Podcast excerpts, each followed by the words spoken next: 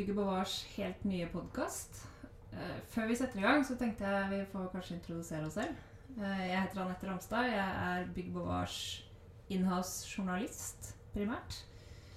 Og jeg heter Christer Stenby, og jeg er Bygg og Boars uh, fagansvarlig, kanskje. Ja.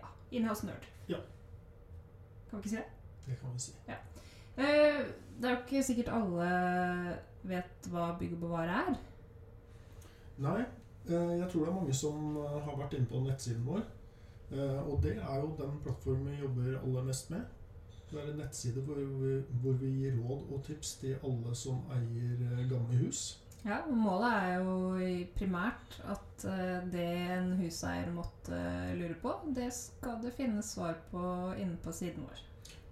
Alle huseiere lurer på noe. Og jeg tror at de kan finne i hvert fall svar på en god del av spørsmålene sine inne på våre nettsider. Ja, for vi har jo eh, Vi, har jo, vi sier vi har én nettside. Det er jo en sannhet med modifikasjoner. Eh, Vi har en hovednettside som heter byggogbevare.no. Og så har vi en portal som eh, tar for seg energieffektivisering, byggavfall og materialvalg. Og så har vi ganske nylig fått satt opp en side som handler om inspirasjon. De gode eksemplene, de bra prosjektene som kan inspirere andre til å gjøre lignende ting, eller til å komme i gang på sine egne hus eller leiligheter. Det er kanskje der du fant denne podkasten du sitter og hører på akkurat nå. Det er mye mulig. Men eh, altså, vi skal gå litt tilbake til hva vi er og, og hva vi driver med.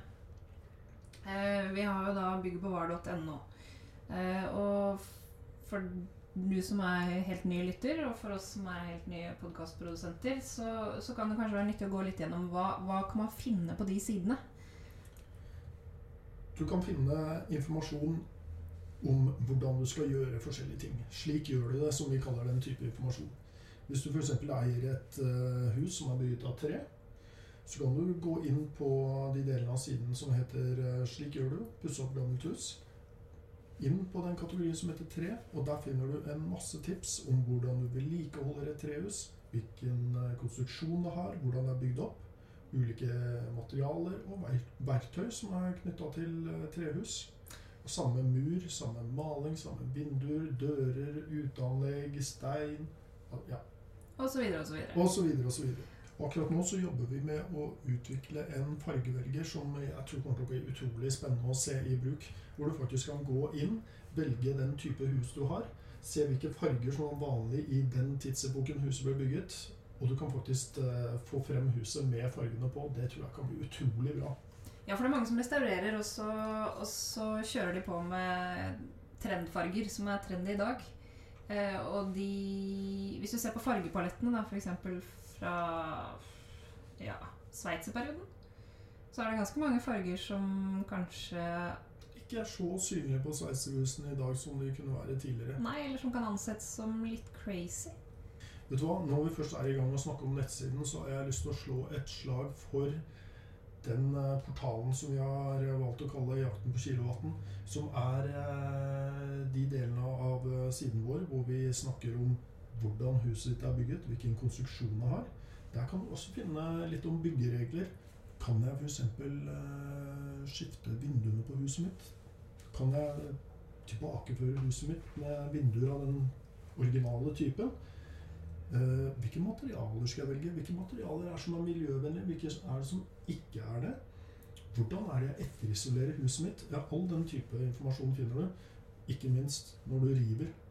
Ikke sant? Hva skal man gjøre med byggavfallet? Hva skal du gjøre med asbest? Hvor kan du finne asbest? Jeg tror I dag så er det veldig mange som tenker på asbest som ja, kun i asbestplater, nei, eternittplater som det heter. Mm. Men uh, det er eternittplater på tak. Det finnes asbestisolasjon rundt gamle rør. Det finnes asbest i lim, som har vært brukt på noe gullbelegg. Så asbest det, det er viktig å ha en viss kontroll på. Og hos oss så kan du finne en eh, liten fin oversikt over hvor du kan risikere å påtreffe asbest når du er i gang med prosjektet ditt. Som også er en veldig populær artikkel inne hos oss. Og ganske typisk for den type stoff som vi prøver å formidle og håper vi får til på, på nettsidene våre. Men vi driver jo ikke bare med denne nettsiden, Christer. Nei, vi har uh, flere arrangementer i løpet av året. Bl.a. i overgangen november-desember. Midt i julebordsesongen så pleier vi å ha bygg- og bartreffet.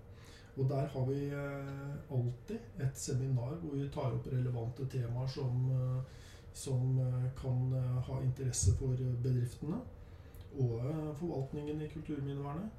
Og så deler vi selvfølgelig ut bygg- og barprisen. Mm. Og den 10. mai på Folkemuseet, det her eh, gjorde vi for første gang i fjor. Men den 10. mai på Folkemuseet, da skal vi på nytt eh, samle bygningsvern, eh, rådgivere, eh, produkttilbydere, butikker, eh, håndverkere, håndverkere eh, på Folkemuseet. og håper at boligeiere som er interessert i å finne ut av hvordan de skal vedlikeholde husene sine på best mulig måte, eller leter etter inspirasjon, eller er nysgjerrig på gamle håndverksteknikker, tar turen dit.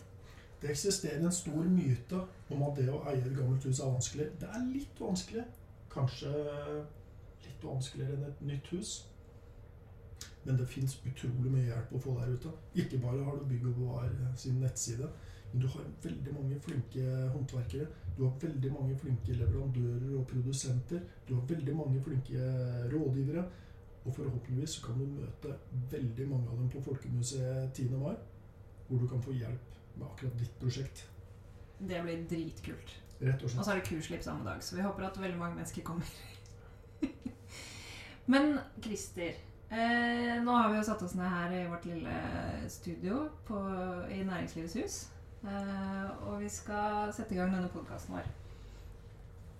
Eh, og i den første podkasten tenkte vi å, å ta opp eh, en tematikk som henger tett sammen med eh, mandatet vårt. Og det er at vi skal gi informasjon om hvordan man skal vedlikeholde og ta vare på hus som er bygget før 1950. Og det er litt spennende. For hvorfor 1950? Ja, det, si. det er et veldig godt spørsmål.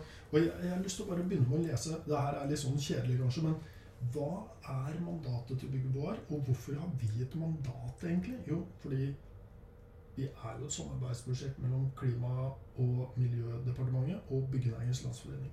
De har gitt oss et oppdrag, ganske fri, fritt spillerom, men det er da altså, hvis jeg leser her Byggeboar skal spre kunnskap om hvordan de gamle husene skal vedlikeholdes og settes i stand i tråd med bygningens alder, konstruksjon, materialbruk, stil og lokale egenart. Og så står det litt lenger ned i teksten her Bygg og bevars mandat avgrenses til å gjelde bygninger oppført før den store endringen i byggeteknikk og materialbruk som skjedde etter 1950. Og det tenkte vi at vi skulle ta et lite dypdykk ned i. For det er egentlig ganske spennende. For det er veldig mange faktorer som henger sammen når vi snakker om dette store skiftet som skjer rundt 1950. Ja, for i 1950 så skjer det jo noen ganske store strukturelle endringer som får enorm betydning på måten vi bygger på i dette landet. Mm. Og først og fremst så handler jo dette om at vi trenger mange flere boliger. Stor bolignød i Norge etter krig. Finnmark er eh, brent til grunnen i stor grad. Mange har gledesrusen etter freden. Valgte å produsere barn. Ja, ikke mm. sant? Eh, mange familier trenger et sted å bo, kort fortalt. Men så har vi jo et regelverk i Norge. Det er lenge siden det har vært lov å bare bygge fritt sånn som man vil. Det er veldig veldig lenge siden man kunne bygge akkurat som man ville. Og det her med bygge, altså, eh, regulering av byggeriet er veldig interessant. Altså, det er jo På, på begynnelsen av 1600-tallet så fikk vi jo murtvang som regulerte boligbyggingen i eh, i Kristiania. Eh, og det fulgte opp i flere andre byer etter hvert også. Og reglene for hvordan man bygde, kom til å ha veldig mye å si for utforming av husene. For eh, kanskje også noe å si for håndverkerens rolle og for materialbruken. Og det regelverket som da finnes i Norge rundt bygging rundt ja, mellom 1945 og 1949, da eh, Kan vi være så kan vi si at det ikke la opp til den effektiviteten i byggeriet som det vi egentlig trengte etter krigen? Det vil jeg kanskje si er veldig riktig. Altså, det derre kjempestore behovet for hus ikke var helt kompatibel med den store materialbruken, tilgangen på materialene, behovet for veldig rask bygging. Jeg tror ikke det er helt eh, Det er ikke helt på jordet å si det. Nei. Men det fører jo da til en industrialisering. Ja, det vil jeg absolutt si. Og eh, det første er jo behovet for å endre reglene. Og det var jo noen eh, pionerer kan vi si, som eh, veldig tidlig så at eh, ok, her er det faktisk eh, behov for å gjøre noe med regelverket for at du skulle kunne dekke den enorme boligmangelen. Og en av de var jo Olav Selvåg. Han eh, valgte jo til og med å skrive en bok som heter 'Bygg rasjonelt', hvor han beskriver på en måte en ikke en ny byggeteknologi, men en ny byggeteknologi i Norge som skilte seg ganske sånn dramatisk for hvordan vi var vant til å bygge hus tidligere. Og det kommer til å ha ganske mye å si for byggereglene også på sikt. For vi har jo da Selvåg, som du nevner. Absolutt. Og det, det er jo en veldig morsom historie, for eh, eh, Selvåg var jo en del av ganske lite sånn entreprenørfirma i Oslo som heter Ringnes og Selvåg. Eh, Olav Selvåg han var sivilingeniør, og han mente helt bestemt boligkrisen den kan ikke løses innenfor det gjeldende regelverket vi har. Altså, vi må, øh, vi må rasjonere mye mer på ressursene vi har. Eh, man kan ikke bygge dyrt og lite når det trengs å når det egentlig behovet er å bygge billig og mye. Og ja, Olav Sølvåg har en sånn utrolig bra eh, beskrivelse av det i den boken. Og der, der skriver han om at det, det er ingen som vil bruke det meste av sin inntekt i modellkjoler, meierismør eller originalmerker på polet. Når resultatet blir at man må rasjonere på alt annet som en eh, husholdning trenger. Nei, almin alminnelig fornuft tilsier at man kjøper billige klær, billige drikkevarer, og at man bruker margarin istedenfor meierismør. Og det- var litt, eh, kanskje litt sånn som han eh, tenkte også med husbygging. Så han eh, sendte et åpent brev til Stortinget og til en del av landets største aviser i 1948, hvor han påsto at vet du hva, jeg kan bygge tre ganger så mange boliger dersom byggemåten og byggereglene blir lagt om. Hvorfor bygge så dyrt, kalte han artikkelen. Og så svarte han jeg kan bygge et hus til halve prisen. Og da var det jo veldig mange som reagerte. Men det som er morsomt, er jo at på tross av at det gikk helt imot regelverket, så gjør han jo akkurat dette. Han gjør det. Han setter opp et ulovlig hus, og bakgrunnen for det det var at uh, avisen som het Morgenposten, de sa til Selvåg vet du hva, vi utfordrer deg. Er dette her mulig? Og Selvåg han er ikke en eh, mann som uh, lar seg kue, så han bygde Ekeberghuset.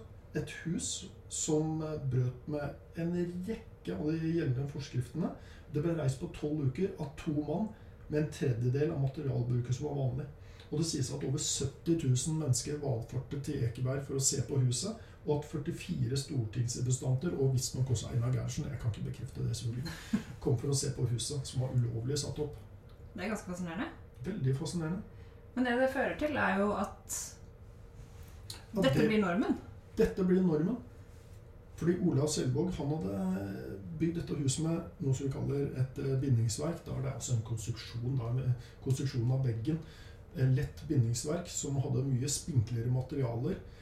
Og byggemåten var også tilpasset bruk av litt andre materialer enn det vi hadde tidligere. Isolasjonen passet inn mellom stenderne. Vi hadde plateprodukter i å bruke panel på innvendig siden. Så byggingen gikk ekstremt mye raskere. Mye var jo kanskje også ferdig produsert i fabrikk før det kom ut på byggeplassen. Så de to gutta som bygde huset, var kanskje litt mer på å montere enn å produsere alle bygningsdelene på byggeplass. Og det førte jo til enormt mye raskere byggeri. Ja, for det er interessant det du sier. ikke sant? Mye av dette her skjer jo kanskje på fabrikk. Det fører oss jo inn på et annet stort skifte som skjer rundt 1950, som da kommer med, med dette. Og det er jo industrialiseringen Det er jo veldig interessant. av produksjonen. Absolutt. Og det er nok en utvikling som ikke akkurat starta over natta i 1950, som hadde men som hadde pågått over ganske lengre tid. Allerede på 30-tallet begynte vi å få mange plateprodukter, begynte å få mange nye malingsprodukter. Det var mye som skjedde. Men det er noe med den enorme produksjonskapasiteten som plutselig ble ledig etter krigen, og mange smarte folk som så mulighet for å produsere byggevarer, produsere ting hvor det var et stort behov. Hvor vi ser en utvikling satt på spissen hvor en stor del av håndverket rett og slett flytter inn på fabrikk. Jeg tror det er riktig å si, faktisk. Ja, og det fører jo til Altså, vi vet at det fører jo til en del endringer i hvordan husene blir seende ut. Hvordan husene eh, settes opp. Men, men, også hvordan håndverkeren passer inn i dette her. Definitivt. Alt hører litt sammen med alt. Jeg tror at eh, håndverkeren eh, var en håndverker som alltid før måtte løse en veldig mange av de samme problemstillingene som tidligere. Men det er klart at en del av eh, kontrollen over produktet forsvant kanskje til produsentene. Og en interessant yrkesgruppe i så måte er jo kanskje malerne. fordi de hadde tidligere hatt en veldig um, stor rolle når det gjaldt både å produsere malingen selv, eh, kanskje også litt som fargekonsulenter, det vet ikke jeg, men hadde en mye større rolle enn bare som påførere den begynte å forsvinne etter hvert som malingsproduksjonen etter hvert kom i større og større grad inn i fabrikkene. Og fabrikkene begynte jo også etter hvert å kanskje produsere enda mer for å gjøre det selv-markedet, noe som også kom til å påvirke håndverkere. Ikke sant. Men det skjer jo noen andre endringer som gjelder håndverkerne. ikke sant? Du får en industrialisering av produkter, og du får en effektivisering av boligbyggingen. Og det fører jo også til at uh, arbeidsvilkårene til håndverkerne endrer seg. Ja, jeg tenker at det som vi kanskje ser litt på sikt utover årene etter krigen, er at man i de store byene kanskje bygger, begynner å bygge flere store blokker. Noe som fører til at eh, man får en sånn repetering av en del arbeidsoppgaver. Og hva er det som er smart å gjøre da? Jo, det er kanskje å begynne å utnytte et akkordlønnssystem lignende det man har hatt i industrien. Hvis du skal bygge 20 bad, ja, da bygger man 20 like bad akkordsystemet blir jo egentlig introdusert i mye større grad i eh, byggeriet enn det hadde vært tidligere. Og også den delen av industrialiseringen blir overført til eh, byggeriet. Mm. Og så er det en annen viktig institusjon som, som kommer omtrent rundt samme eh, tidsperiode, som henger tett sammen med, sammen med denne tematikken, og det er Husbanken. Det er en bank, det er Husbanken, som ble oppretta i 1946. Og det, ble en sånn forlenga arm for uh, statens bygningspolitikk. Og det er klart, den hadde jo en veldig sånn sterk uh, sosial profil. Uh, det var lave renter, det var mange former for bostøtte. Men det var ganske mange begrensninger også. For det første så var egenandelen ganske høy. Så på 50-tallet var det ikke uvanlig å si at husets pater familias tok med spaden og gravde ut tomta sjøl. Eh, og det var ganske strenge begrensninger på størrelse og utforming. De aller fleste husbankhusene var jo arkitekttegnet, eller hadde i hvert fall godkjent av en arkitekt. Jeg tror det var 80-70% eller noe sånt. Så det sa noe med reguleringen også på akkurat den type bygninger. Og det, det kom jo selvfølgelig til å spille litt inn på handlingsrommet til håndverkerne også. Jeg tror gjennomsnittlig størrelsen på et husbankhus på over 100 kvadratmeter. 102 kvadratmeter. Men det var uh, i Sør-Norge. Nordover så måtte de klare seg med mindre. Hvor mye mindre vet jeg ikke, men det, jeg tror ikke, tror ikke forskjellen var uh, enorme. Men det var vel en realitet at for ganske mange mennesker så var dette en stor oppgradering? En veldig stor oppgradering. Både det å kunne få en egen bolig, men også komfortmessig. Eh, med godt utstyrt i kjøkken, med kanskje vannklosett også for noen. Så eh, absolutt en komfort og standard som var eh, mye bedre enn det vi hadde sett før krigen. For de mm. aller fleste. Men Christian, nå har vi snakket mye om det som skjedde rundt 1950, og alle de relativt store endringene som, som skjer rundt den tidsperioden. Men det er jo ikke sånn at alt det gamle døde ut allikevel? Absolutt ikke. Og det, det, her er jo veldig lange prosesser. Det var lite som skjedde over natta liksom, eh, eh til 1.1.1950.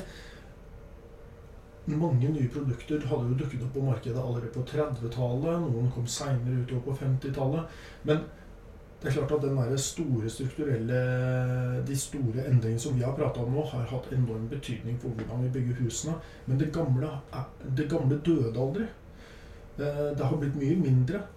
Men jeg tror for alle de som bor i et hus som er eh, bygget eh, før 1950, så må de bare vite at det fortsatt finnes mange håndverkere som har stor kompetanse på husene. Det går an å få tak i materialer som man trenger.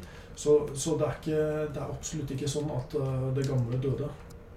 Og det er jo noe av målet med denne podkasten. Det er jo å gi en stemme til alle disse flotte husene som, som er gamle eller litt gamle. Eh, og ikke minst alle disse utrolig flinke folka som, som er opptatt av å ta vare på dem på best mulig måte.